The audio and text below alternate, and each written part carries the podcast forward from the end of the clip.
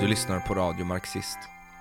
Ett program som ger dig de senaste analyserna från Revolution, den svenska sektionen av den internationella marxistiska tendensen.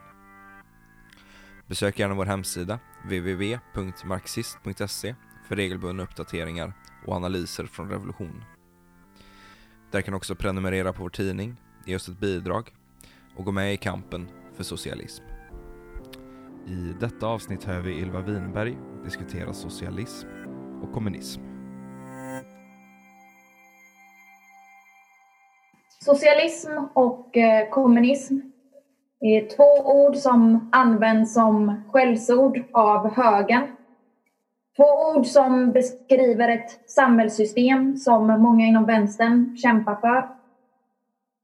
Men det är ganska sällan som man faktiskt får höra eh, av de som säger sig kämpa för det här vad det faktiskt betyder.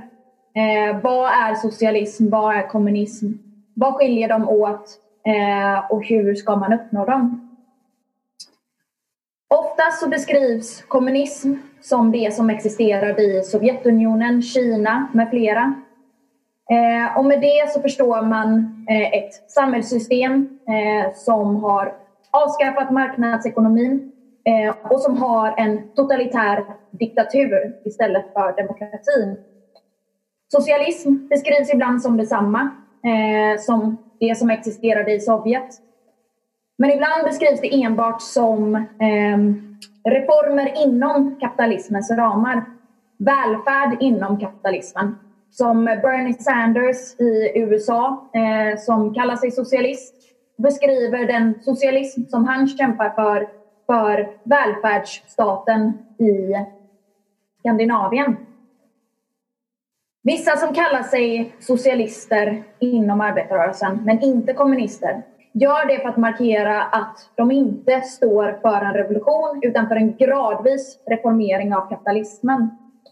Medan de som kallar sig för kommunister gör det för att markera att de står för eh, en revolution, för ett avskaffande av kapitalismen. De inte är reformister. Men det här är en felaktig beskrivning av vad socialism och kommunism är för någonting. Ehm, de går inte att skilja från varandra som två separata system. Som att man kan kämpa för det ena utan att kämpa för det andra. En verklig socialist måste också vara en verklig kommunist och vice versa. För socialism är inte reformer inom kapitalismens ramar. Det är bara kapitalism. Socialism, det är ett annat samhällssystem än kapitalismen. Det är det system som man kan införa om kapitalismen avskaffas genom en socialistisk revolution där arbetarklassen tar makten. Men socialism är bara ett övergångssamhälle. Det första steget. Det är ett samhälle som fortfarande bär rester ifrån det kapitalistiska samhället. Ett samhälle där resterna gradvis dör ut. Och när resterna när alla rester från klassamhället dött ut, då har man nått det kommunistiska samhället. Högern har gjort sitt bästa för att just koppla samman kommunism och socialism med diktatur. På så sätt försöker de få alla arbetare och ungdomar att ge upp kampen mot det kapitalistiska systemet. Acceptera kapitalismen som det enda möjliga samhället. För om man försöker revoltera då blir det bara som i Sovjet. Gång på gång upprepar de att alla kommer få det bättre. Om man bara låter marknaden göra sitt så i längden kommer fattigdomen att minska. Men trots alla deras försök att eh, smutskasta kommunismen och socialismen så ökar stödet för socialism och även kommunism i USA, kapitalismens högborg, så sa 20 procent av millenniegenerationen, alltså 23 till 38 år gamla, i en opinionsundersökning av Yougov eh, i oktober 2019 att det är extremt sannolikt att de skulle rösta på en socialistisk kandidat. Medan 50 procent såg det som eh, ganska sannolikt.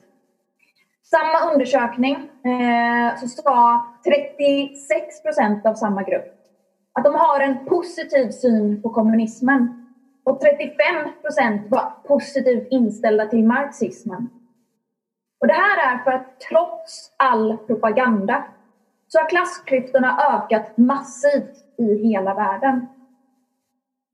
Den bättre levnadsstandard som arbetare i väst under efterkrigstiden eh, fick har ersatts sedan 1970-talet med nedskärningar, privatiseringar, försämringar, ökat arbetstempo, ökad arbetslöshet, otryggare anställningar med mera.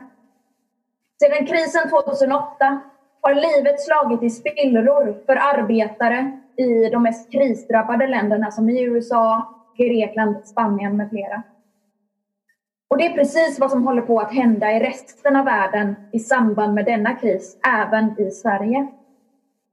I de fattigaste länderna har krig, terror, naturkatastrofer, ökat tvång på nedrustning av den offentliga sektorn eh, av IMF och ekonomisk exploatering från västvärldens storföretag lett till en ökad misär, svält och till att folk tvingats fly.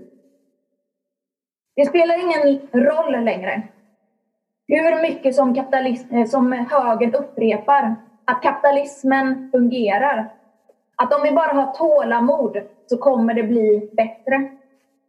För det stämmer så fruktansvärt uppenbart inte ihop med verkligheten som vi lever i.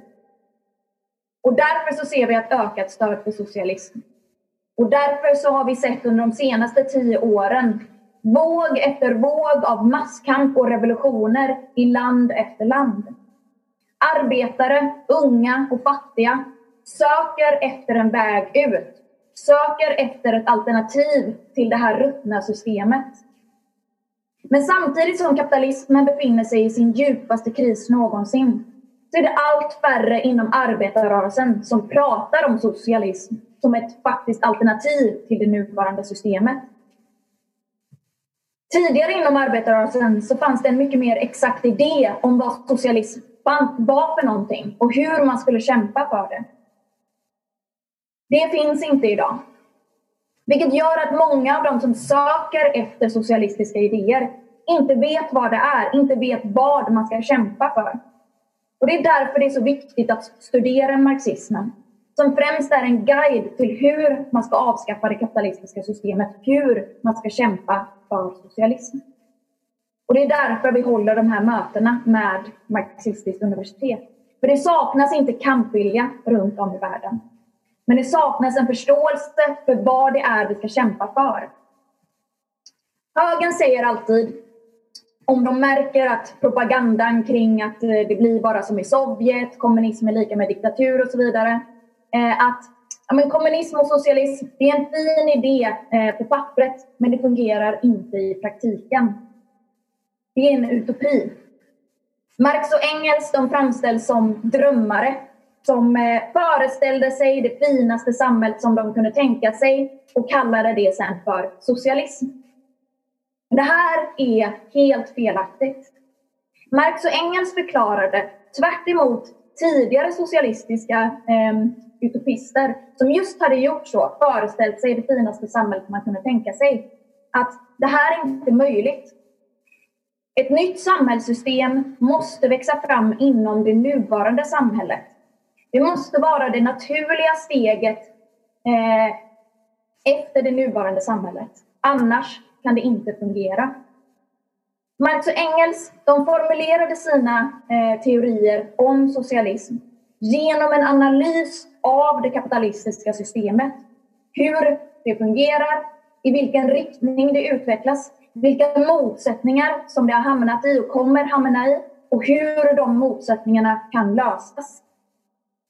På så sätt så kom de fram till vad som måste ersätta kapitalismen och hur ett, samhälle, ett sådant samhälle i grunden måste se ut.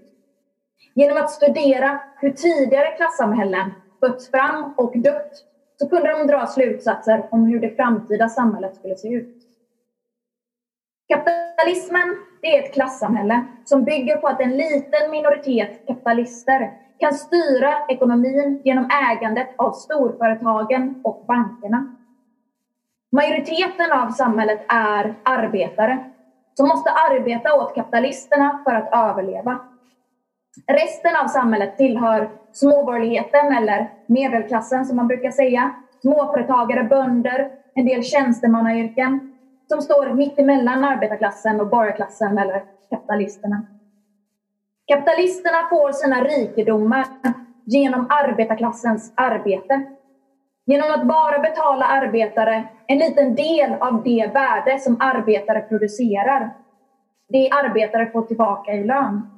Kan de genom att det är de som äger företagen eh, lägga vantarna på resten av det värde som arbetare producerar. Vilket marxister kallar för mervärde. Om de eh, varor och tjänster som arbetare producerar blir sålda så blir det här mervärdet till profiter eller vinster. Det här gör att arbetare har ett intresse av att en så stor del av det värde som man producerar ska tillfalla arbetarna själva. Medan kapitalisterna har ett intresse av att en så stor del av värdet som producerar, produceras ska tillfalla dem. Och här har vi källan till klasskampen. Motsättningen mellan arbetare och kapitalister som ger upphov konstant till klasskamp gång på gång. Och det är detta som reformister vägrar att förstå. Som förespråkar klassamarbete och att arbetare och kapitalister kan ha samma intressen. Att det är en grundläggande konflikt som aldrig kan lösas inom kapitalismens ramar. Och att man inte kan stå på både arbetarklassens och kapitalisternas sida. Man måste välja. Arbetarklassens framväxt under 1800-talet var det första steget som möjliggjorde socialismen som någonting faktiskt möjligt att uppnå. Tidigare så hade utopiska socialister kritiserat kapitalismen. Men de hade inte sett något verkligt alternativ till det. De hittade på sina egna utopier, men de kunde inte förstå hur kapitalismen skulle avskaffas. Genom att studera tidigare klassamhällen, hur de uppstått och hur de dött, så förstod Marx och Engels att det bara skulle vara möjligt att uppnå ett verkligt jämlikt samhälle om det under kapitalismen växte fram en klass med ett intresse av att ta makten ifrån kapitalisterna och själva kunna införa det här systemet. Systemet innan kapitalismen i stora delar av världen, eller produktionssättet som vi marxister kallar det, var feodalismen där jordägarna, kyrkan och monarkin härskade. Inom detta system så växte borgarklassen fram som bara kunde bli den nya härskande klassen om de tog makten ifrån jordägarna. Som de också gjorde i den engelska revolutionen, franska revolutionen, amerikanska revolutionen med flera. Och med arbetarklassens framväxt så såg Marx och Engels att arbetarklassen skulle kunna, precis som borgarklassen gjort med feodalismen, ta makten ifrån kapitalisterna, avskaffa kapitalismen och inrätta ett nytt samhällssystem, ett nytt produktionssätt, socialismen. Men hur kunde de då veta hur det skulle se ut? Jo, just genom att studera kapitalismens motsättningar och i vilken riktning det utvecklades. För det första så såg de att konkurrensen mellan olika kapitalisters företag under kapitalismen leder till en allt större koncentration av kapital att ägandet av banker och storföretag koncentreras i allt färre händer. Där mindre företag slås ut eller köps upp. Och att de större bildar allt större monopol som är framväxten av världshandeln ledde till att de här monopolen kunde dominera hela världsekonomin. Av detta så drog de slutsatsen att det naturliga steget efter de här väldiga monopolen var att staten skulle ta över monopolen. Eh, att staten skulle nationalisera dem. Och att detta är det naturliga steget eh, efter kapitalismen. Det kan ses i varje kris för det kapitalistiska systemet. Som under den nuvarande krisen. Att kapitalisterna inte kan sköta sitt eget system utan att ta hjälp av staten. Ibland måste staten till och med gå in och ta över hela företag. För kapitalisterna klarar inte att sköta sitt eget system utan statens hjälp. Kapitalismen har en social produktion. Det vill säga till skillnad från under feodalismen, jordägarsamhället, där familjer producerade för sig själva, där man var självförsörjande, så producerar man under kapitalismen för en världsmarknad. Men tillägnelserna av vinsterna från produktionen är privat. Det vill säga det går till den lilla klick kapitalister som äger bankerna och storföretagen. För att undanröja denna motsättning så krävs därför en nationaliserad ekonomi. Där inte bara eh, produktionen utan även tillägnelsen blir social. Kapitalismen bygger på en oplanerad ekonomi där marknadens anarki råder. Där produktionen sker efter vinst, inte efter behov. Inom varje storföretag så eh, planeras allt in i minsta detalj. De vet exakt hur mycket de ska producera. Men på marknaden i stort råder ett kaos, råder konkurrens. Och därför måste en nationaliserad ekonomi vara en planerad ekonomi där produktionen planeras utefter mänsklighetens och planetens behov. Där vinsterna från produktionen fördelas jämlikt mellan medborgarna i världen eh, och eh, till samhälliga, eh, nödvändiga samhällsinvesteringar. Den tredje grundbulten i socialismen är att det måste vara ett världssystem. Det måste vara internationellt. För kapitalismen har utvecklat en global ekonomi där alla länder är beroende av varandra. Där inget land kan isolera sig från världsmarknadens lagar. Det mesta produceras idag och konsumeras idag inte i ett land utan i många olika länder. Och det går inte att gå tillbaka i historien till självförsörjning och lokal produktion och konsumtion. Socialismen måste vara en vidareutveckling av det kapitalistiska systemet. Och därför måste socialismen, även om arbetarklassen kan börja med att avskaffa kapitalismen i ett land, så måste en sådan revolution förr eller senare spridas över hela världen, bli till en världsrevolution som etablerar socialismen som ett världssystem. Under kapitalismen så kan en harmonisk globalisering aldrig ske. Globaliseringen sker genom att vissa nationalstater exploaterar andra. De starkaste kapitalistiska imperialistiska länderna dominerar de svagare. Och därför bygger socialismen på ett avskaffande, eller snarare bortdöende, av nationsgränserna, av nationalstaterna. Det bygger på en enad socialistisk värld där alla jordens resurser fördelas jämlikt över hela världen. Endast så kan man avskaffa krig och imperialistisk exploatering av Latinamerika, Afrika och Asien.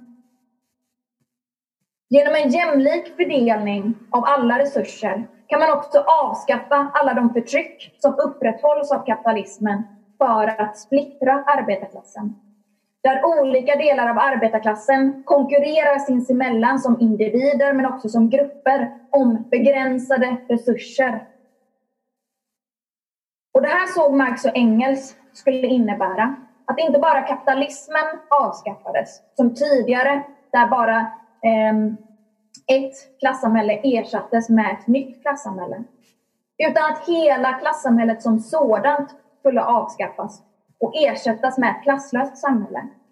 För att nationalisera storföretagen och bankerna innebär att avskaffa den härskande klassen under kapitalismen, borgarklassen eller kapitalisterna som lever på exploateringen av arbetarklassens arbete.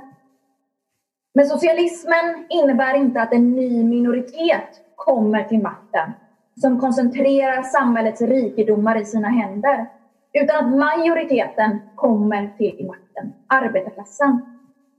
Socialismen är ett första steg mot ett fullständigt klasslöst samhälle, fullständigt jämlikt samhälle, där alla resurser delas lika. Och därför så kan man avskaffa de förtryck som inte går att avskaffa inom kapitalismen. Men det bygger också på att socialismen har en högre produktion än under kapitalismen. På att man kan producera så mycket att det inte är jämlik fattigdom eh, som bara kommer ge upphov till eh, konkurrens om bristande resurser eh, och därmed inte gå att avskaffa förtryck. Utan det måste bygga på ett samhälle i överflöd. Och därför så menar vi marxister att kapitalismen varit ett nödvändigt steg i samhällets utveckling som utvecklat produktivkrafterna, utvecklat ekonomin till den grad att om vi idag nationaliserar ekonomin och börjar ta det här steget mot ett samhälle i överflöd, då kan vi leva i ett sådant samhälle jämlikt utan klasser och förtryck. Att Sovjetunionen inte lyckades med det innebär inte att socialismen inte fungerar i praktiken. Utan det innebär bara att Sovjetunionen aldrig nådde socialismen. Just på grund av att revolutionen inte lyckades spridas till en världsrevolution, inte lyckades etablera socialism som ett världssystem, utan isolerades i ett fattigt, underutvecklat land där det just rådde eh, brist på resurser och ledde till en konkurrens om dem. Och det var än mindre kommunism, som just är ett högre samhällssystem än socialismen. Det var en planerad ekonomi vars arbetarstat ersattes med en diktatur under Stalin och därför aldrig nådde socialismen, som vi kallar för en urartad arbetarstat. En verklig socialism bygger inte på en monstruös diktatur utan på en arbetardemokrati där majoriteten styr samhället genom arbetarråd som vi har sett växa fram spontant i varje revolution där arbetarklassen strävat efter att ta makten. Socialism kan bara införas om arbetarklassen i allians med de lägre skikten inom småborgerligheten eller medelklassen griper makten, krossar den borgerliga staten och ersätter den med sitt eget statsmaskineri. En arbetarstat där det till skillnad från under kapitalismen ehm, då det under bästa fall råder en borgerlig eh, demokrati. Eh, då arbetare kan i bästa fall rösta på partier som kanske genomför en del förbättringar. Men där staten alltid ser till att aldrig genomföra någonting som hotar det kapitalistiska systemet i grunden. Det är minoriteten styr över majoriteten medan socialismen är majoritetens styre över eh, minoriteten, det vill säga gårdagens kapitalister. Marx och Engels skrev väldigt lite om hur en sådan arbetarstat skulle organiseras. För de var konsekvent vetenskapliga och höll sig till att eh, beskriva vad de kunde se växa fram ur det kapitalistiska systemet. De drog först och främst slutsatsen att socialism inte bara kunde handla om en nationaliserad ekonomi plus en borgerlig demokrati med politiker och tjänstemän. Utan att man måste göra sig av med den borgerliga staten, krossa den borgerliga staten och ersätta den med arbetarnas egen stat. Efter att Pariskommunen 1871 just lett till att arbetarna spontant organiserat sin egen stat men som kom att krossas av den borgerliga statens statsmaskineri. Det har varit senare marxister som Lenin som har formulerat mer om hur en sådan arbetarstat skulle organiseras på basis av erfarenheter hur arbetare organiserat eh, en sådan arbetarmakt under revolutioner, framförallt den ryska revolutionen 1905 och 1917. Kortfattat så kan man säga eh, att en arbetarstat måste organiseras på ett sådant sätt att det inte ger upphov till korruption och byråkrati. Och så som arbetare gjort i olika revolutioner är att de bildat råd på sina arbetsplatser, i sina lokalsamhällen, i städerna och på landsbygden. Dit de valt representanter som får genomföra de beslut som arbetare beslutat om på sina rådsmöten. Där alla valda representanter ska kunna avsättas inom 24 timmar om de går emot de demokratiska besluten. Där inga representanter får ha några särskilda förmåner och inte tjäna mer än en genomsnittlig arbetarlön. Och där man i så stor utsträckning som möjligt försöker rotera alla valda positioner eh, så att alla är med och styr samhället. Och det var det här som skedde de första åren eh, efter den ryska revolutionen 1917. Ehm, där alla sovjeter, som betyder arbetarråd på ryska, som hade bildats under revolutionen 1917 tog makten i oktober 1917 och valde på sin Sovjetkongress en nationell regering där Lenin valdes till ordförande. Så tvärt emot all propaganda mot Sovjet så visade de ryska arbetarna under de första åren att arbetarklassen faktiskt kan styra samhället. Och Sovjetunionen visade vilka eh, enorma framsteg man kan nå med en planerad ekonomi. Att det inte lyckades nå socialism har jag kortfattat förklara och vi kommer eh, komma in på det på ett möte längre framöver. Men socialism och arbetarstaten är bara det första steget. Målet är ett klasslöst samhälle utan någon stat. Där principen åt var och en efter förmåga, åt var och en efter behov eh, råder som kallas för kommunism. Och det här är skillnaden mellan marxister och anarkister. Att vi inte tror att vi kan uppnå ett klasslöst samhälle utan stat där alla förtryck har försvunnit dagen efter revolutionen. Utan att allt det här kommer att dö bort, men det kommer att ta tid. Det kommer att ta tid för en mänsklighet som har växt upp under ett klassamhälle att vänja sig att leva i ett eh, jämlikt samhälle. Tid att avskaffa alla fördomar och förtryck som man växt upp med. Tid att avskaffa den imperialistiska världsordningen. Och enligt anarkisternas modell som bygger, eh, de flesta anarkisters modell, bygger på små lokala självförsörjande samhällen så skulle man aldrig någonsin kunna uppnå ett verkligt jämlikt samhälle eh, där den imperialistiska världsordningen eh, avskaffas.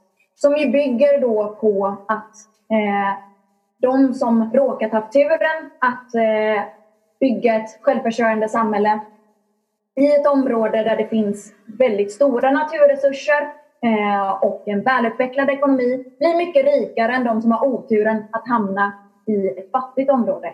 Man behöver styrning och samordning mellan hela världen.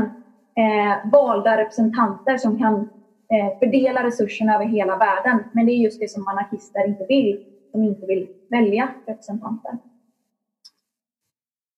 Småföretag kommer till en början existera under socialismen. De kommer vi inte nationalisera. Utan vi kommer arbeta för att dra in dem och övertyga dem om att de kan ha lika stor makt på sin arbetsplats eh, och få bättre villkor om de, om de arbetar i de nationaliserade företagen. Pengar kommer under en period existera i någon form. Där alla som kan arbeta kommer att arbeta lika mycket, få lika mycket eh, i lön. Detta tills vi uppnått ett så stort överflöd att alla bara kan ta precis vad de behöver. Målet är för oss, precis som för anarkister, att krossa den borgerliga staten och nå ett samhälle utan någon stat. Men för att kunna krossa kapitalismen så måste arbetarklassen upprätta sina egna politiska organ och sin egna milis för att försvara sig mot politikernas, polisens, eh, militärens och fascisternas attacker och för att se till att inte de kapitalister som dagen efter revolutionen kommer vilja återinföra kapitalismen kan göra det. Dagen efter revolutionen kommer inte alla direkt ingå i arbetarstaten. Även en del arbetare och bönder, fattiga, kanske inte kommer ha självförtroendet nog att dyka upp på arbetarmöten direkt likt valda till representanter. Det kommer ta tid för att dra in alla delar av samhället i en sådan stat.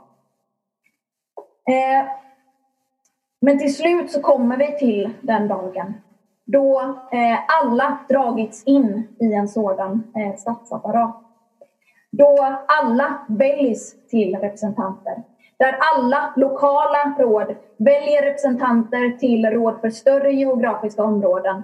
Till eh, råd för hela världen. Så till slut så styr de här råden hela samhället. Där roteringen sker så naturligt att det inte finns någon uppdelning mellan de som styr och de som blir styrda, mellan politiker och de som arbetar. Utan alla styr och alla arbetar. Som Lenin sa, när alla är byråkrater är ingen byråkrat. Då har staten dött bort. Då har vi nått det klasslösa samhället, eh, kommunismen. Men för att det ska vara möjligt så krävs det att arbetare har tid till politik. Tid att gå på möten. Och därför så krävs en stor arbetstidsförkortning som är fullt möjligt med dagens utvecklingsnivå. Om vi idag skulle nationalisera ekonomin så skulle vi kunna avskaffa alla onödiga jobb, automatisera och dela på jobben. I detalj kan vi inte säga hur socialismen kommer se ut, vilken kultur vi kommer ha, hur vi kommer leva. Men genom att vi nationaliserar så kan vi sänka arbetstiden så att mycket att för första gången så kommer vi ha en verklig fritid. En tid till att utveckla oss själva som individer på riktigt. Med tid till konst, litteratur och vetenskap. På så sätt när allt görs tillgängligt och gratis för alla. När alla bara kan hämta vad de behöver av mat. När städning, matlagning, disk och allting sker kollektivt så kan alla människor utveckla sig till att bli verkligt mångsidiga individer. Och därför så kommer socialismen och än mer kommunismen innebära en verklig oerhörd utveckling av kultur, teknik och vetenskap. Men socialismen kan inte bara uppstå spontant ur kapitalismen. Den är inte ödesbestämd. Kapitalismen kommer inte falla av sig själv. Precis som i tidigare klassamhällen kommer borgarklassen att försvara sitt system med alla medel som de har. De kommer försvara det även om kapitalismen hotar mänsklighetens överlevnad. Och därför så krävs det en revolution för att ta makten ifrån kapitalisterna. Och en revolution behöver inte vara våldsam som det ofta eh, framställs. Den behöver bara vara våldsam i den grad som man behöver försvara sig från borgarklassens och den borgerliga statens våld. En revolution innebär att arbetarklassen reser sig upp och genom politisk och ekonomisk kamp tar makten över samhället, makten ifrån borgarklassen. Och det här är den sista grundbulten i socialismen. En socialistisk revolution kan bara vara segerrik om det är arbetarklassen som tar makten. Marx och Engels förklarade det att det beror på att det bara är arbetarklassen som har den ställningen i produktionen att man kan hota, utmana och till slut ta makten ifrån kapitalisterna. På grund av att kapitalismen bygger på en exploatering av arbetarklassens arbete för vinst. Så när arbetarklassen strejkar så slår de direkt mot kapitalisternas vinster. Och när hela arbetarklassen går ut i strejk, i generalstrejk, då stannar hela samhället upp. Kapitalismen kan bara fungera så länge arbetarklassen fortsätter arbeta. En lyckad socialistisk revolution innebär att arbetare ockuperar sina arbetsplatser, väljer sina egna representanter att styra eh, arbetsplatsen istället för cheferna. Det innebär när arbetare väljer politiska representanter för att styra samhället istället för politikerna och tjänstemännen och tar den ekonomiska makten ifrån borgarklassen. Socialism är en nationaliserad, planerad ekonomi styrd av arbetarklassen. Kommunismen är en nationaliserad, planerad ekonomi styrd av mänskligheten. Kapitalismen kan inte längre utveckla samhället idag. Det kan inte existera fortsatt utan att leda eh, oss in i allt mer barbari och förstörelse. Dess fortsatta existens hotar mänsklighetens överlevnad. När vi ser en sån oerhörd potential i den tekniska utvecklingen som inte kommer till användning för att det inte är lönsamt för kapitalisterna. När vi har de tekniska medlen för att utrota svält och så många sjukdomar. När vissa får arbeta längre och hårdare medan andra får gå arbetslösa. När vissa svälter samtidigt som tusentals ton mat slängs. När vi ser hur en pandemi på kort tid kan utrota så många liv för att det inte finns tillräckligt med resurser inom vården. Då skulle jag säga att det är på hög tid att vi avskaffar detta system. Och den tar makten ifrån den parasitära borgarklassen som idag inte är mer än kupongklippare som gömmer undan sina rikedomar i skatteparadis. Socialismen är idag inte bara möjligt. Det är ett absolut måste om vi i längden vill överleva. Som Marx och Engels sa. Arbetarklassen har inget mer att förlora än sina bojor. Proletärer i alla länder, förena er.